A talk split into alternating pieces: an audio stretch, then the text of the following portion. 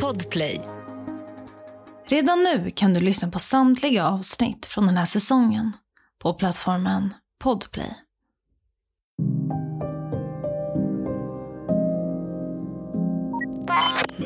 Uh, just driving by one day, and I saw her go in the house with somebody else, and I thought that's a possibility. There was many, many places in the area. Kind of tied her in the other bedroom, and then I came back to strangle him. Uh, and at that time, uh, uh, masturbated her. This man needs to be thrown in a deep dark hole and left to rot. Tio liv ska spillas och ändå inget spår som kan leda FBI och polisen till mördaren. Det är en katt och råttalek. Brev inkommer från mördaren. Mördaren som kallar sig BTK. Brev till pressen, till utredarna. Koder, likt en skräckfilm. Det dröjer många år innan den så kallade BTK gör sitt största misstag. Du lyssnar på Jakten på mördaren. Med mig, Saga Springhorn. Den här säsongen baseras på fall som ni lyssnare har tipsat om. Jag vill varna för grovt innehåll i dagens poddavsnitt.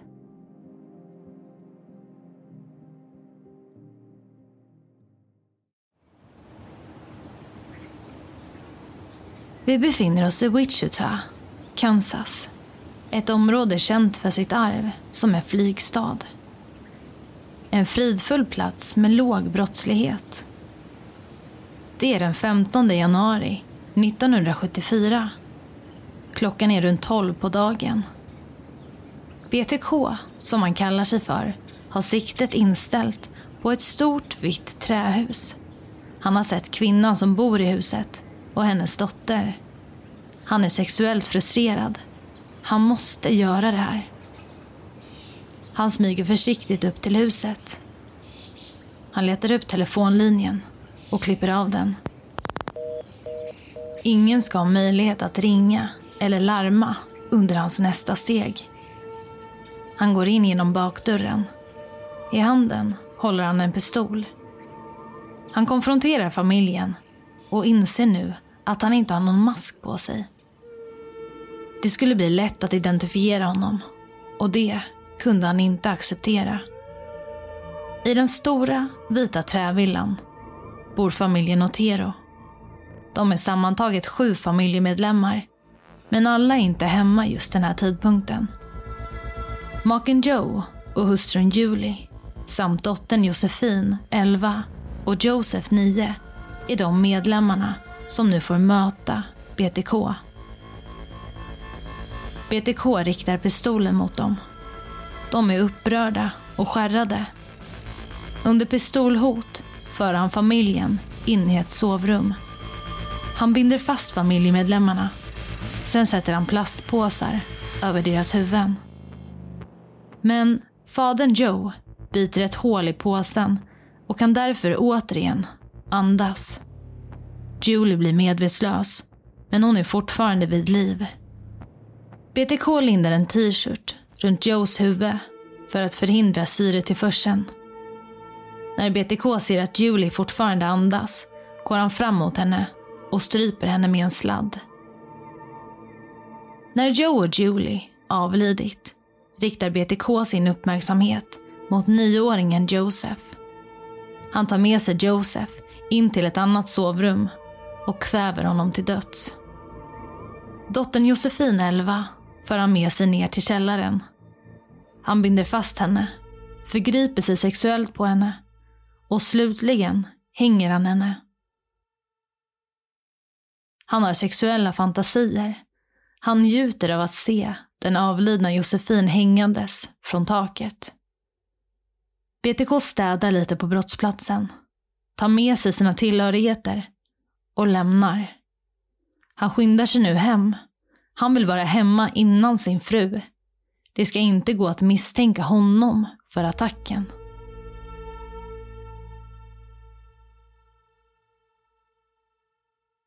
Kropparna upptäcks samma dag av Joes och Julies tre äldre barn som varit i skolan då attacken utspelat sig. Det är fyra personer som mister sina liv. Det är BTKs första offer av en rad.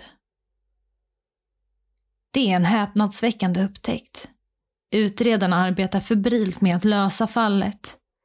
Fyra familjemedlemmar. Två barn under 12 år. Vem hade kunnat utföra detta bestiala dåd? BTK njuter av uppmärksamheten. Han njuter av att det står om honom i pressen, att människor är rädda. Han fortsätter att leva sitt liv. Ingen är honom på spåren. Och ingen skulle någonsin kunnat ana att det var just han som låg bakom morden.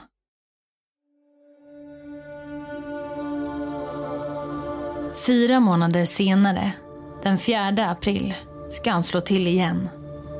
Han hade under en längre tid spionerat på 21-åringen Catherine Bright. Catherine älskade att sjunga i kyrkan. Hon var en smart och populär collegestudent. En dag hade BTK sett Catherine och hennes väninna. De hade gått in i Catherines familjehus. BTK hade blivit förtrollad av hennes utseende. Hon var nu ett av hans så kallade projekt. BTK bryter sig in i huset. Han går in via verandadörren på baksidan och gömmer sig i ett sovrum. Runt klockan 14.00 kommer Catherine hem. Men hon är inte ensam. Hon har med sig sin bror Kevin, 19 år. Det hade inte BTK räknat med. BTK rusar ut ur sovrummet och riktar en pistol mot dem. Han säger att han är efterlyst, att han behöver mat och en bil. Han tvingar in syskonen i ett sovrum och beordrar Kevin att binda sin syster.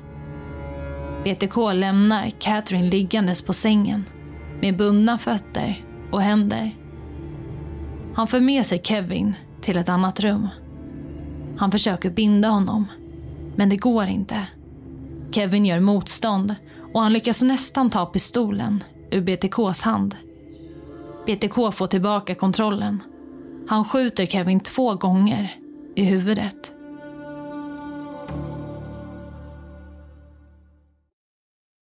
Han går tillbaka till Catherine. Han försöker strypa henne, men hon kämpar emot. Han tvingas därför ta fram en kniv. Han hugger henne flera gånger. BTK hade dock gjort en enorm missbedömning. Under tiden som han njuter av att döda Catherine så har Kevin lyckats fly. Han är skjuten med två skott i huvudet. Det är ett underverk att han ens är vid liv. Kevin öppnar ytterdörren. Han springer och ropar efter hjälp. BTK får panik. Han förstår att det är över nu. Han är övertygad om att han kommer bli tagen av polisen. Han måste fly, och det snabbt. BTK hinner inte städa upp på brottsplatsen. Han hinner inte få med sig alla sina tillhörigheter. Det är kört. Polisen kommer att ta honom, tänker han. Kevin överlever mot alla odds. Catherine genomgår ett flertal akuta operationer men avlider slutligen på grund av de många och omfattande sticksåren. Utredarna försöker förhöra Kevin men Kevin har fått två skott i huvudet. Han minns inte så mycket från attacken. Han har en lång rehab framför sig. Utredarna står återigen tomhänta Visserligen finns det föremål kvar på platsen, men inget som leder dem närmre BTK. Ja, det här är alltså BTKs andra attack och han har nu tagit livet av fem personer. Han ser nu att pressen skriver om det här fallet och utredarna och pressen misstänker två andra män, inte BTK. BTK känner att det är han som borde få uppmärksamhet, inte någon annan. Och han bestämmer sig därför för att skicka ett brev till polisen. Han skriver att han kommer att fortsätta döda om inte polisen hittar honom. I det här brevet så kallar han sig för BTK och det är på så vis som han blir känd för just det namnet. Det dröjer tre år innan han slår till igen. Det är den 17 mars 1977 och den här kvinnan är ett slumpmässigt offer. Han strosar runt i ett område och han har siktet inställt på en kvinna vid namn Sherry. Sherry är en kvinna som han tidigare träffat på en bar men han ser att hon inte är hemma. Så han fortsätter strosa runt i området. Han får syn på en femårig pojke vid namn Steve och går fram till den här pojken och utger sig för att vara detektiv. Han säger att han letar efter sin fru och sitt barn och så räcker han över ett foto på en kvinna och ett barn till den här pojken. Pojken säger att han inte sett dem och går vidare. BTK har sina ögon på pojken och ser hur han går in i ett hus. Så en stund senare knackar BTK på och Steve öppnar dörren. Och eftersom att BTK har utgett sig för att vara en detektiv så får han komma in. Det är ytterligare två barn i huset och BTK drar nu ner persiennerna och stänger av tvn. Efter en stund kommer mamman Shirley ut ur ett rum. Hon blir förskräckt. BTK riktar pistolen mot barnen och tvingar in dem i ett badrum och låser sedan dörren. Shirley kräks för att hon är så rädd och BTK försöker lugna henne. Han ger henne ett glas vatten och röker en cigg med henne. Samtidigt så skriker barnen från badrummet. De förstår att det inte är så här det ska vara. BTK binder nu fast Shirley och stryper henne genom att binda ett snöre runt hennes hals. Han får orgasm och utlösning på hennes trosor som senare hittas bredvid hennes kropp. Där någonstans så ringer telefonen och det gör att BTK lämnar lite tidigare än vad han har tänkt. Shirley var 24 år gammal när hon miste sitt liv. Och till en början så förstår inte polisen att det är BTK som mördat igen. Det hade ju varit tyst i hela tre år. Men det ska inte dröja länge innan man förstår att BTK är tillbaka. Vi går vidare. I december 1977 blir BTK besatt av den 25-åriga Nancy Fox. Hon är singel och bor ensam. Det här ska enligt honom själv ha varit det mest perfekta mordet. Den 8 december skär han av hennes telefonlinje och bryter sig in genom hennes bakdörr. Han väntar på henne. Och när hon väl kommer hem från sitt arbete överraskar han henne i köket med pistolen riktad mot henne. Han säger att han har sexuella problem och att han måste binda fast henne och våldta henne för att bli av med problemen. Han binder henne inne i sovrummet och stryper henne med ett skärp samtidigt som han onanerar. Han lättar på skärpet när han ser att hon är på väg bort. Drar sen åt det igen. Under tiden som han stryper henne berättar han vem han verkligen är. Han säger att han är den kända BTK. Dagen därpå ringer han och rapporterar mordet till polisen. Han ringer från en telefonautomat och ger polisen adressen till huset. Och mycket riktigt, snart hittar de den avlidna Nancy. BTK var tillbaka.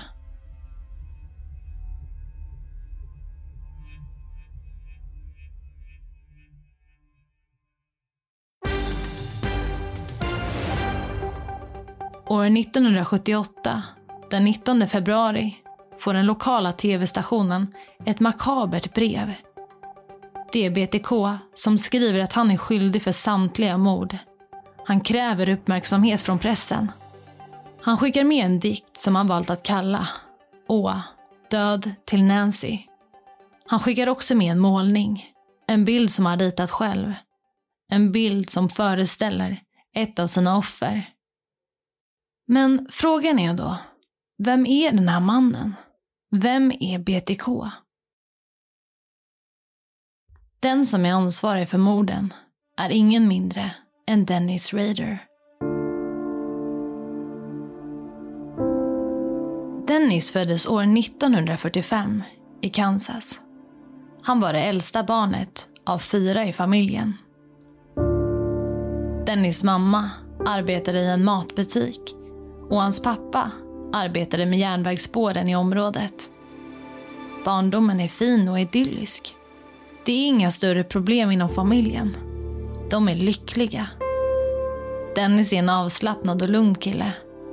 Han gillar att fiska och vara ute i naturen med sina vänner. Han tog inte så mycket plats. Han smälte in. Men han var alltid med och umgicks. Dennis bar med sig ett minne från barndomen. Ett minne där han ser hur hans mormor dödar kycklingar. Han var förtjust i det. Det hände något inom honom den där gången då han sett henne döda kycklingarna. Flera vänner till Dennis hade reagerat på vissa av hans beteenden. Några av dem menade att Dennis kunde jaga sköldpaddor för att sedan hänga dem.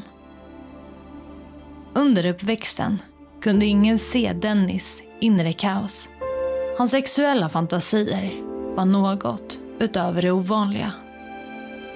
Efter gymnasiet utbildar han sig till mekaniker och börjar sedan arbeta på United States Air Force. Med tiden återvände han till Kansas och i maj 1971 gifter han sig med Paula. Paula och Dennis får två barn tillsammans. De har ett fint äktenskap. Och Paula har ingen aning om att BTK är hennes egen man. Dennis arbetade för ett säkerhetsföretag mellan år 1974 och år 1981. Han installerade bland annat larmsystem. Vissa av larmsystemen sattes upp i rädsla för BTK. Dennis avvikande sexuella fantasier var motivet bakom morden. Han njöt av det. I hemlighet läste han utredningar om brott, om bestiala mord, tortyr. Han tecknade ner sina fantasier. Kvinnor som var bundna med rep. En man ståendes över dem med en mask på sig. FBI är inkopplad i utredningen. Man samarbetar med polis inom olika regioner. Försäljningen av larm och vapen i området pikar. BTK, eller Dennis, får uppmärksamhet för brotten. Människor är rädda och media skriver om morden. Det dröjer flera år innan han dödar igen. Under den här tiden så studerar han straffrätt. Han vill bli bättre och smartare när han begår brott. Dennis brukar åka runt och leta efter sina offer. Det skriver han bland annat i ett brev som han skickar till polisen. Undertecknat BTK. Han menar att det är en slumpmässig urvalsprocess. Vem som helst kan bli näst på tur. Det dröjer ungefär sju år innan Dennis slår till igen. Han hade planerat allt in i minsta detalj. Han hade sitt kit med sig. En svart väska ihållandes bland annat plastpåsar, pistol, kniv och handskar. Dennis är scoutledare för pojkscouterna där hans son är med. Och det kommer han att utnyttja. År 1984 är Dennis 40 år gammal. Han är på ett scoutläger. På kvällen, när alla somnar, gör han sig redo. Han sätter sig i bilen. Han ska hem till sin granne, Maureen. De bor bara några dörrar ifrån varandra. Dennis klipper av Marines telefonlinje och går sedan tyst in genom bakdörren. Men ingen är hemma, så han sätter sig i hennes sovrum och väntar. Han ser snart en bil som kommer körandes mot uppfarten. När Marine kommer in är hon inte ensam. Hon har en man med sig. Dennis gömmer sig i sovrumsgarderoben. Och när mannen lämnar hemmet och när Marine somnat kliver han fram. Han tänder lampan, hoppar på henne och kväver henne till döds. Därefter släpper han ut hennes kropp till bakluckan. Han kör den till kyrkan. Han är en trogen och betrodd medlem. Han är ofta där och har nycklar för att kunna komma in. Han släpar ner Marines kropp till källaren och fotograferar henne. Han använder den avlidna kroppen som en modell. Han sätter henne i olika positioner och fotar om och om igen. Därefter tar han med sig kroppen och dumpar den i ett dike. Dennis åker tillbaka till scoutlägret. Han har alibi. Han har ju varit ledare för lägret. Inte hade väl han kunnat mörda någon? Nej. Alla hade ju legat och sovit. Inklusive han. Ingen skulle misstänka något. Några dagar senare får polisen in ett samtal. Det är Marines väninna som säger att hon inte sett Marine eller hört något från henne på flera dagar. Nio dagar efter mordet hittas hennes nakna kropp i ett dike. BTK utför ytterligare två mord. Mordet på tvåbarnsmamman Vicky. Han hade gått förbi hennes hus och hört hur hon spelade piano. Han tänkte, det här är nog ett nytt projekt för BTK. Den 16 september knackar Dennis på och säger att han är en telefonreparatör. Vicky släpper in honom i tron om att han ska undersöka hennes telefonlinje. Men det blir inte som Vicky tänkt sig. Dennis försöker binda Vicky. Hon stretar emot. Men slutligen är det Dennis som får som han vill. Han stryper henne och hon avlider. I vardagsrummet sitter hennes tvååriga son. Åren går och 1991 ska han döda för sista gången. Han hade sett en 62-årig kvinna. En äldre kvinna som bodde själv. Det skulle bli ett lätt offer. Han utnyttjade återigen pojkscouterna för att få alibi. Han smet iväg och dödade den 62-åriga Dolores. Sen går åren. Inget händer. Det är helt tyst. Man tänker sig att BTK kanske blivit för gammal. Kanske har han arresterats för något annat brott. Eller så är han avliden.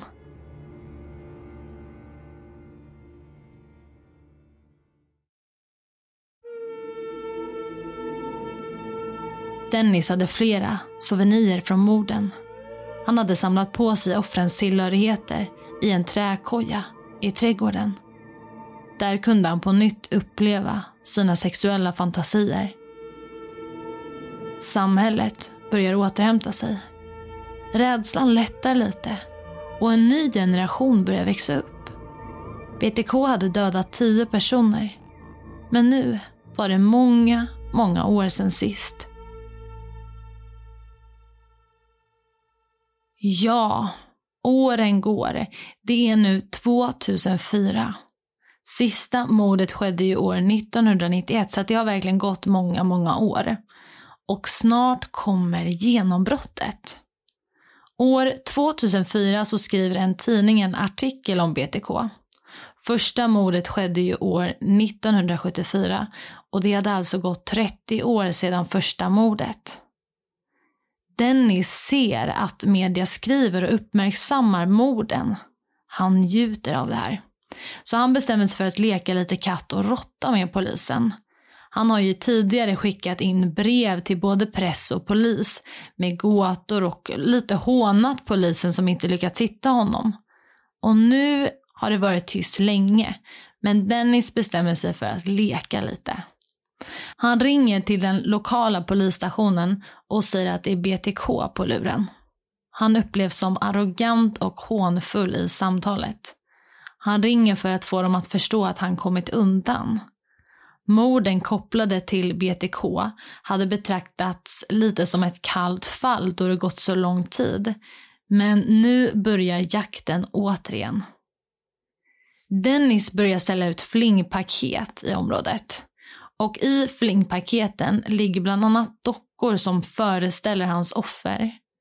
Vissa av dockorna ligger i samma position som offren hittats i. Och dockorna är ofta bundna med olika band. De här paketen placeras ut på lite random ställen och ofta så skickar Dennis brev med ledtrådar till polis och media om var man kan hitta paketen. Flera av de här paketen innehåller också smycken från offren och i ett brev skickat till polisen ligger offret Nancy Fox körkort. Så ja, Dennis blir ganska modig här och kommunicerar med media och polis. I ett brev så frågar Dennis om han kan skicka in en diskett till polisen utan att bli spårad. Och en diskett är som en liten skiva som man kan lagra filer i. Dennis frågar om det är riskfritt att skicka den här disketten och han säger att han vill ha ett ärligt svar. Han vill inte kunna bli spårad. Polisen svarar eh, via en lokal tidning att det är helt riskfritt för BTK att skicka den här disketten. Men riktigt så kanske det inte är. Dennis gör ett stort, stort misstag här.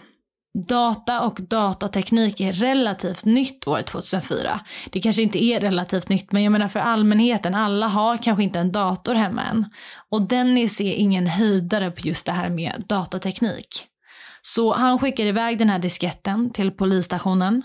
Och på polisstationen så kopplar man såklart in en expert på datateknik. Kort och gott, för att inte göra det här för avancerat, så analyserar man disken och finner bland annat metadata i ett Microsoft-dokument som raderats. Man kan se att någon suttit vid en dator på Christ Lutheran Church och den här personen har varit inloggad under namnet Dennis. Och vem kan vara ordförande i kyrkorådet tro? Jo, det är den 50-åriga Dennis Raider. Vi går vidare.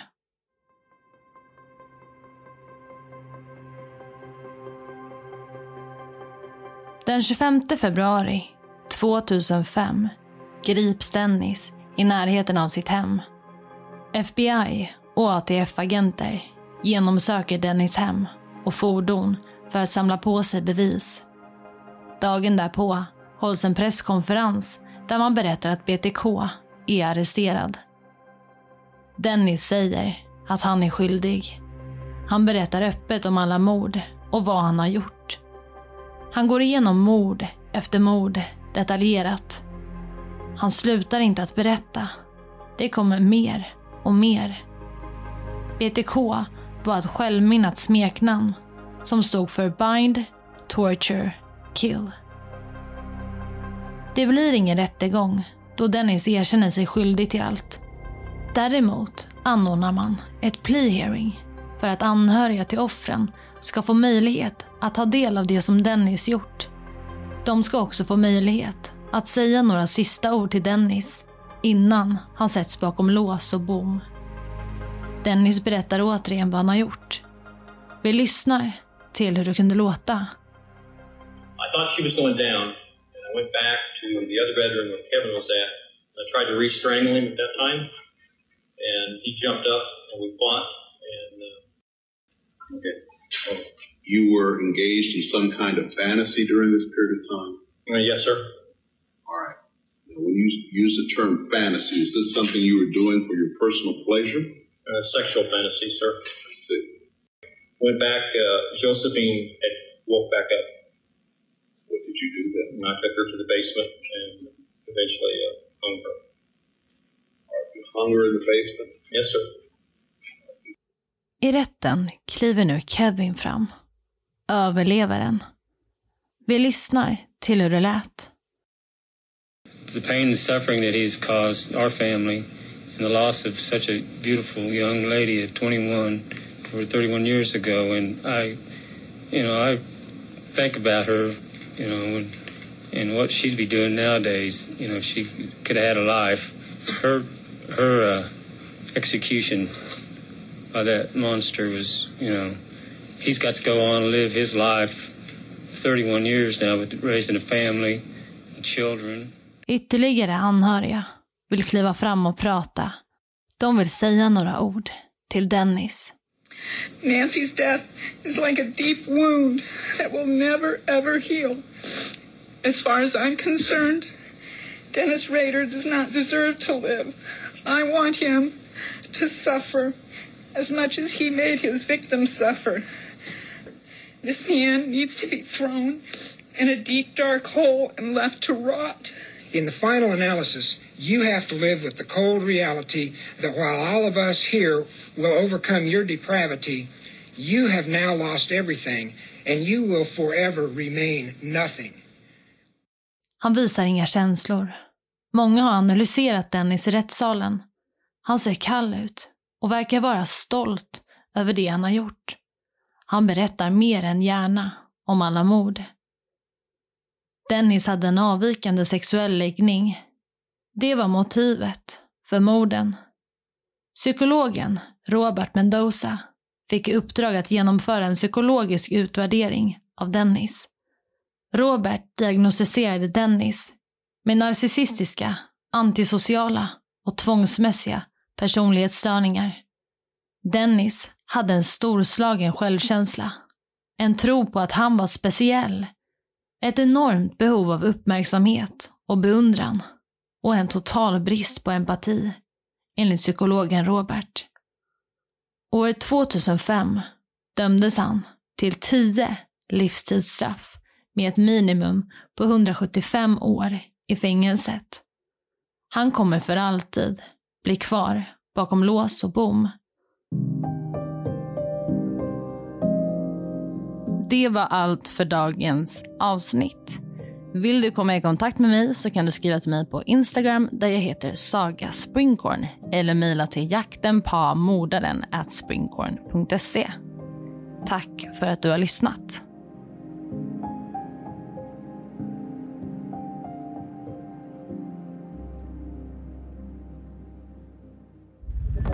Podplay, en del av Power